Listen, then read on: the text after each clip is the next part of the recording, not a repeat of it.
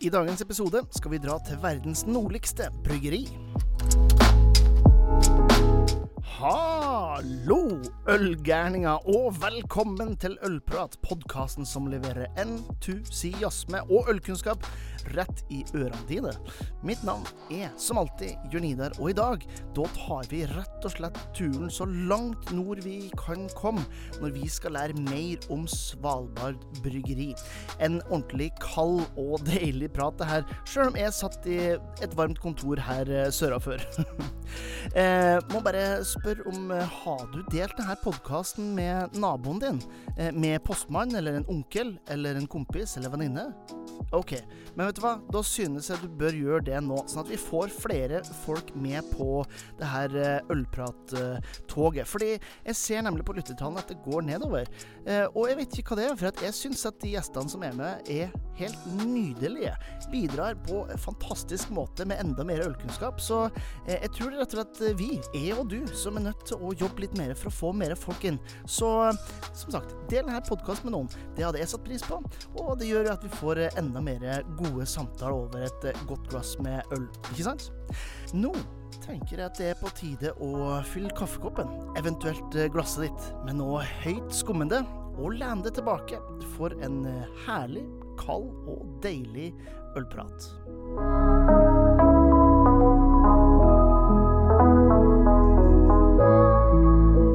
Da ønsker vi velkommen til ølprat fra så langt nord som du egentlig kommer i Norge. Ida Winterdal og Andreas Hegermann Riis fra Svalbard bryggeri. Velkommen til ølprat. Hei, Jørn Idar. Takk for det. Ja, altså vi, Før vi satte i gang her, så snakka dere om at når dere gikk inn døra i, i dag, så var det, var det 25 minus. mens jeg sitter her i, i T-skjorte. Så det det er jo sine fordeler og bakdeler. når man, man, Det er litt fascinerende det her med at det kan være i Norge, og likevel så er det såpass stor forskjell på, på hvordan det ser ut utenfor døra. Det er vel omtrent samme avstand som fra deg til Roma som det er fra deg til oss nå. Mm. Ja, nei, da Jeg vet hvilken vei jeg hadde foretrekk å fare, og det er ikke, det er ikke nedover, for å si det sånn. Nei, men Jeg setter veldig pris på at dere tar dere litt tid til å, til å, å prate. Altså, Det vi skal prate om, er jo Svalbard eh, bryggeri. Det som er vitterlig uh, det nordligste norske bryggeriet, og det nordligste i verden. Men vi kan jo snakke litt om, uh, litt om det litt, litt, etter hvert. Men kan dere ikke bare si litt sånn, sånn kjapt om, om dere sjøl, og hvordan dere havna i 25 minus og, med en øl, øl i hånda? Ja. Um jeg kommer jo fra Lofoten Jeg havna her rett og slett med en tilfeldighet. Ja. Hvordan kommer man til en tilfeldighet til Svalbard? Det virker som et veldig spesifikt reisemål. ja, det Nei, Nei det, det, ble sånn. Mannen min har jobba her oppe eh, tidligere, og så kom han til fastlandet og ville bare at vi skulle reise opp. Og så hadde jeg litt lyst til å dra til Spania. Og så ja. var det pandemi og sånn, og så tenkte jeg ja, det er greit. Vi prøver Svalbard, og så trives vi bare kjempegodt. Eh, hvis du skal eh, prøve å trekke noen søke linjer mellom Spania og Svalbard, hva har liksom de to til felles, syns du? Nei, hva er det? Det er vel ikke så veldig mye fellestrekk der. Nei. Nei. Men en, en, en, bra bomtur, da. Full nordmenn. Enn en du, Andreas? Hvordan endte du opp der oppe? Nei, jeg drev jo på Grünerløkka brygghus. Det var i 2014. Så fikk jeg en telefon fra Robert Johansen. Og mm. lurte på om jeg kunne hjelpe han med å få på plass et bryggeri på Svalbard. Uh, og Da så han for seg et lite uh, eh, 1000 bryggeri. Så skulle jeg liksom sette i stand det for han. Og da sa jeg men det kan du bare glemme, det kommer aldri til å gå. Mm. Og go, go, big or go home. Så da, da ordna jeg, jeg, et litt bedre oppsett for den. Og så øh, skulle jeg komme opp øh, hit og sette opp bryggeriet og lære han å brygge. Og bruke mm. det. Uh, så da fikk jeg permisjon i, fra Grünerløkka Brygghus i tre måneder for å, for å, få det på plass. Eh, men etter hvert som jeg, eh, som jeg dreiv på her oppe, da, så skjønte jeg for det første at uh, jeg ikke kunne reise, fordi da hadde det ikke gått. Og for det andre så ble jeg også forelska i Svalbard. Det er jo mm. noe med Man, blir, man får basillen. Man kan rett og slett ikke reise når man først har kommet. Det er mange som blir fanga her. Sånn Svalbard-syndrom? Ja. Så det er jo åtte år siden nå, da. Så da ringte jeg til Kjetil og sa at jeg må nok bli igjen. Ja, for jeg, jeg husker jeg kjente jo litt eh, på den tida òg, og da sa du at ja, jeg skal oppover et halvt år og, og hjelpes til. Eh, og så, så bare Det var et jækla langt uh, halvår. Ja, det har blitt det. Men uh, nevner jo, dere nevner jo uh, Robert, og det er jo Robert og, Anne Grete Johnsen som, som har etablert bryggeriet, sånn som så, sånn så jeg forstår det. Men Eh, det er jo ikke akkurat en eh, rett fram vei da å starte. Altså for det første så er jo eh, Robert er jo fra Tromsø. Um, Robert. Hva sier du? Robert er fra Svolvær i Lofoten. Å, det beklager jeg. Ja, det, den tar jeg Jeg har bodd i Svolvær, så jeg, jeg, jeg, skjønner forskjellen, faktisk. Selv om jeg, om jeg bor sørafor. uh, men i hvert fall, det, det, det, er jo et stykke fra, fra Svolvær til, til Svalbard. Uh, og det er jo ikke bare det å, ikke bare det å, å starte et, et bryggeri. Eh, for sjøl om bedriften ble starta i 2011, så var ikke første brygg i gang før 2015. Eh, og det var jo en, en, en, liten, en, liten, hinder på veien fra 1928 som sto i veien. Hva, hva, hva, det var, hva det var som sto i veien, egentlig? Nei, det var jo sånn når, eh, når Robert hadde funnet ut at det, det er, han hadde veldig lyst til å starte dette bryggeriet. Han, eh, det var det han ville gå for. Han ville skape noe, et, et lokalt uh, merkevare som var produsert her oppe. Arbeidsplasser, alt som fulgte med. Så mm. kom jo denne eh, loven fra 1928 som forbød tilvirkning av alkohol på Svalbard. Mm. Som en liten bump i veien. Um, det er klart, Hvis du ikke kan tilvirke alkohol, så er det vanskelig å få starte opp et bryggeri. Ja. Rett og slett. Sånn at eh, han spurte sysselmesteren om han, uh, om han kunne få start. Fikk nei, og tenkte OK, da får jeg spørre noen andre. Eh, og ga seg rett og slett ikke. Så han ringte jo til Helse- og omsorgsdepartementet og kom i kontakt med noen der. Spurte fint om kan vi endre loven. Fikk beskjed om at det må vi søke om. Hvis vi skal endre lover, så må vi søke. Han måtte faktisk søke på papir, til og med. Så mm. Robert ble bort på hytta si, skrev søknad på papir, sendte av gårde. Og så er han jo kanskje ikke den mest tålmodige mannen i verden. Så han begynte jo å vente på at loven skulle endre. Etter en måned så tenkte han, hadde han ikke hørt noe og tenkte at det eh, kan jo hende de har glemt meg. De har glemt både meg og bryggeridrømmen. Så han ringte nedover igjen til Oslo. og spurte om loven var endra, det var jo ikke det. Måneden etter så gjorde han det samme, ringte igjen. Og han ringte hver eneste måned i fem og et halvt år. Så etter eh, fem og et halvt år så fikk eh, endelig Robert en telefon. Da ble han oppringt med beskjed om at nå er loven endra, du kan starte bryggeriet ditt. Og det var 1.6.2014. Jeg tenker, at, eh, jeg tenker at, noen man blir, jo, man blir, jo, kjent med noen hvis man ringer dem en gang i måneden. Ja, det utvikler jo ganske greit. Ganske greit vennskap, ja. ja telefon, telefonvenn. Ja. Men eh, sånn som jeg forstår det, altså nå er det jo, uh, jo drift i Dere holdt til i Longyearbyen, ikke sant? Mm. Mm. Og så er det òg mis, har jeg misforstått, men har det vært, eller er det noe brygging på den russiske delen òg? Eh, Der er det jo et uh, brygg, lite bryggeri. Mm. Den Røde Bjørn. Ja. Uh, nå har ikke jeg vært i Barentsburg siden uh, begynnelsen av krigen, så jeg veit ikke om det er noe aktivitet der. Nei. Men sist gang jeg var der, så ble jeg godt kjent med han som brygga der da. Og vi hadde noen planer om noen samarbeidsbrygg og greier. Mm. Men alt det har jo på en måte falt litt ut nå, da. Ja, ja det er jo klart. Men, men da, da, da er jeg egentlig vel fram til at det er ganske begrensa eh, konkurranse på Svalbard når det kommer til, til bryggerier. Men Det er òg litt begrensa med antall folk som er på Svalbard òg, for dere, dere, sender ganske mye ut til resten av landet, ikke sant? Ja, det stemmer. Vi, vi sender jo til Fastlands-Norge. Mm. Også til uh, Sveits, den franske sida av Sveits. Mm. Så jobber vi jo uh, i disse dager, så starta Robert og Anne Grete opp et import-eksportselskap i Hamburg. Oh, ja. Så det er på en måte veien videre. Men 70% av det vi produserer, det selges og konsumeres her oppe på Svalbard. Så det er mm. fremdeles her som er hoved, hovedsalget. Ja. Ja, for jeg så litt på, så litt på, på regnskapstall og sånn også, der de, de fleste håndverksbryggerier fikk en liten dipp. Nei, unnskyld, en liten økning, eller en veldig stor økning når det ble pandemi. Så gikk det litt nedover for dere. Så, og, så tenkte jeg det var jo litt rart. Men når jeg tenkte meg om, så er det kanskje ikke så rart. For dere er jo ganske avhengige av at det kommer folk eh, på besøk, rett og slett. Ja. De lokale er jo Vi er jo 2500 innbyggere. Mm. Sånn at det er jo ganske mye mer her når vi har reisende på besøk. Mm. Ja. ja, det vil, det vil jeg tro.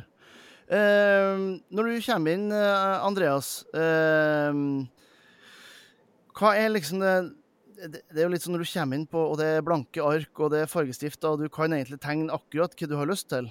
Eh, hvor, hvor begynte du når du skal liksom lage arktisk øl? Altså jeg tenkte at jeg, vi skulle lage folk, folkelig øl. Mm. Altså noe som uh, hvermannsen kan uh, like. Og den, den profilen har vi holdt oss på. Mm. det har jo blitt flere og flere sorter. Vi startet med pils, en pale ale, IPA og en stout. Helt sånne ganske streite etter boka-varianter. Mm. og så har det jo utvikla seg etter det, men det er fremdeles og drinkable craft, kan du si. da. Mm. Uh, så det skal være lett å drikke, og det skal være noe for enhver. Mm. Nå så har vi jo laget noen sånne eikefatlagrede varianter. Så det kommer, en, eh, kommer, et par nye produkter av den nå. Så vi har mm. noe som står og lagrer seg på eik akkurat nå. Så um, appellerer kanskje til uh, de mer interesserte også. Ja, de med litt ekstra langt skjegg? Ja. men, men, det, tenker, det er jo litt eh, noe som man ikke er så bevisst på, vi som er på, på, fastlandet. Men det er jo ganske andre hensyn som dere må ta eh, i, forhold til, eh, i, forhold til, et bryggeri, ja, f.eks. på Grünerløkka. da. Eh, og da tenker jeg kanskje spesielt på hvis du får en god idé, da. Får et, en kreativ eh, halvtime og så tenker jeg, åh, nå har jeg lyst til å lage et nytt øl. Eh, så setter man en bestilling, og så kommer det levert med bilen i løpet av en ukes tid, og så kan man brygge her sånn. Men det, det er ikke helt sånn det funker oppe hos dere? Nei, logistikkmessig så det var jo det første jeg måtte eh, lære, da. Det var jo at eh, det må være to måneder i forkant på alt. Mm -hmm. For å få det til. Alt blir jo levert med båt. Ja, du kan jo få det med fly og sånn, da, men det mm. blir veldig dyrt. Eh, så, så, når vi skal ha malt, så må det jo først snirkle seg fram til Tromsø, hvor det blir lasta på båt. Og den går jo ikke hver dag. Sånn at um, må, plan, må planlegge litt nøyere uh, lagerbeholdninga si. Mm. Har, du, har du fått noen interessante opplevelser pga. det, eller? Ja, det er jo stadig vekk at vi har fått noen leveringsproblemer da, opp hit. Sånn at vi har uh, måttet vente på ting. Mm. Det er jo, er jo kjedelig. Men ellers så går det stort sett greit. å må bare ha et litt større lager enn det mm. et mikrobryggeri på vår størrelse vanligvis må ha. Mm.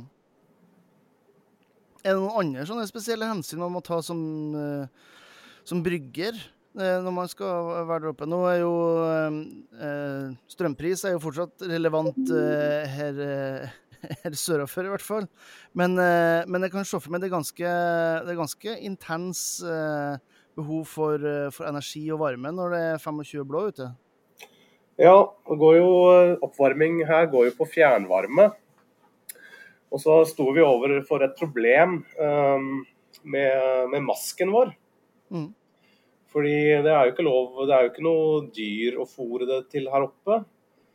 Uh, og det er jo ikke noe jordbruk eller noen ting, så at uh, all den, og det er ikke lov å deponere det heller. Så masken må, må jo sendes ned til mm. fastlandet for å bli forbrent der. Uh, og det ble jo ganske kostbart. sånn at vi satte i gang et prosjekt med OK, hvordan kan vi hva kan vi gjøre med denne masken? Så vi var innom alt mulig rart. Fra hundefôr og soppdyrking og alt mulig rart. Mm. Um, til da forbrenning. Uh, så nå har vi en, uh, en forbrenningsovn som da vi tørker den masken og forbrenner den for å da lage varme i, til lokalet. Og etter hvert mm. også få den varmen inn i produksjonen, da, så vi kan spare litt energi på det. Mm. Det er nesten sånn sirkulær økonomitanke i det? Absolutt. Det er det som er, som er tanken. Mm. Så har vi jo også signert en uh, intensjonsavtale med lokalstyret her oppe, hvor at vi får levert flis uh, i tillegg. Mm. Så at vi kan brenne det også. Og kanskje på sikt være, ha muligheter for å levere også til andre, og ikke kun til oss sjøl. Mm. mm. Ja, hvor, hvor, viktig er det når man er på en, på en så isolert plass da, som, som Svalbard egentlig er? med 2500 mennesker. Hvor viktig er lokalsamfunnet for dere som, som bryggeri? Kjempeviktig. De betyr jo alt. Absolutt. Det er jo det at eh, lokalbefolkningen føler et slags eierskap til, eh, eh, til det som lages her oppe. Og vi kaller det for vårt øl. Ja, det er vårt, vårt øl og vårt bryggeri. Mm. Ja. Altså det blir litt mer personlig, og ikke bare et, noe man drikker. Ikke sant. Det er, liksom, det er Andreas, Andreas og vårt sitt øl som drikkes, og ikke bare fra et bryggeri. Likadant. Mm. I, i, i, 2000 og, eh, i, 2017 så eh, var det noen andre som hadde lyst til å, å, å ha våres òg. For da kom jo det som eh, ja, tidligere var verdens nordligste bryggeri, eh, Trom, Tromsø eh, Tromsøbryggeriet Mack, inn på, på eiersida med en 25 oppkjøp. Hva, eh, Altså selvfølgelig, det er jo noe som eh, ja, kanskje ikke man snakker så mye om eh, nå, det her med at større bryggerier investerer eller kjøper eh, mindre bryggerier, men det var jo litt sånn fy-fy. Eh, og noe som eh, skapt eh, ganske stor eh, harme hos en del med langt skjegg, da, eh, vel å merke, I, i, i, i, tidligere tider, om man kan si det, si det, sånn.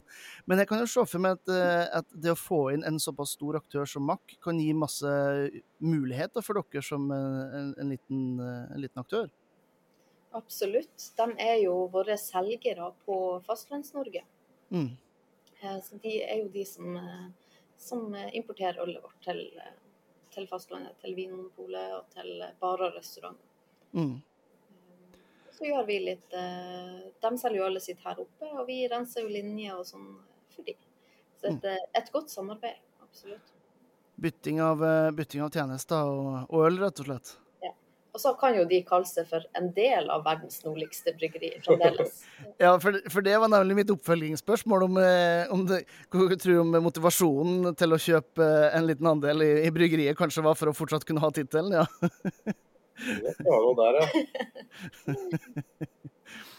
men, men hvordan, hvordan, er det, da? Altså, eh, for man skal jo ikke fremmedgjøre eh, det også å drive et bryggeri på Svalbard. Men jeg kan godt se for meg at det, det å det se på ølmarkedet og, og se på bryggerier i, på Fastlands-Norge eh, er litt Jeg skal ikke si fjernt, da, men at, at, dere må ta en del hensyn i forhold til eh, hvor dere er lokalisert hen. Um, er det noe dere er bevisst på, eller er det bare en, blir det bare etter hvert en sånn naturlig del av, uh, av det å, å drive der?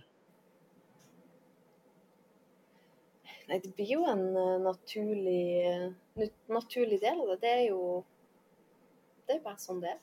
Ja, ja det er jo sånn nok. Ja. Men er det, noe, er det, ikke noe, du tenker, Andreas, når du, når du kom opp og etter hvert uh, skjønte at ja, du må blant annet, lære deg at ting tar to måneder, ikke to uker. Er det ikke noen sånne ting som du tenker bare åh, oh, shit, om vi bare kunne gjort sånn eller sånn, så så hadde, hadde det vært enklere?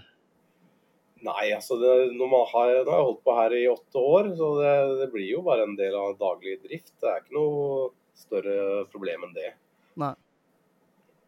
Det, da jeg jobba på fastlandet, så var det jo litt mer sånn samarbeid mellom bryggerier, og man hadde litt mer kontakt og sånn. Så, sånn sett så er man jo litt mer isolert her oppe, da. Mm.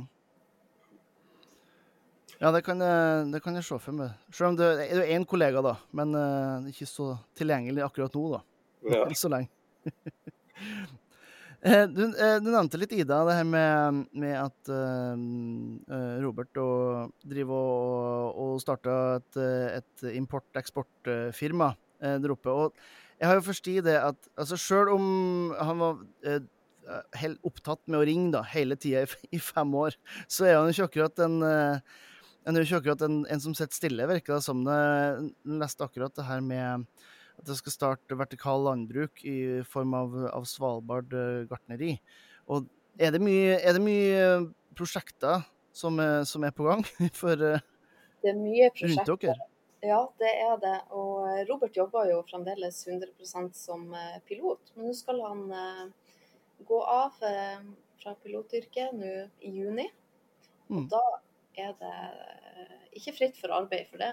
Nei. Nei. Så nå er det jo det her eh, import-eksportselskapet. Eh, driver også og starter destilleri. Mm. Et samarbeid med Bifrost. Og så har vi jo dette gartneriet. Mm. Og tanken eh, bak eh, det gartneriet er jo eh, kortreist eh, mat. Mm. Vi har jo alt du, du, skulle vært her oppe på matbutikken og sett. Nei, det er Ofte så um, er vi litt uh, hva man skal si, i manko på grønnsaker. Kan man si det mm. sånn? Um, det handler om frakt. Uh, det handler om at det er kaldt.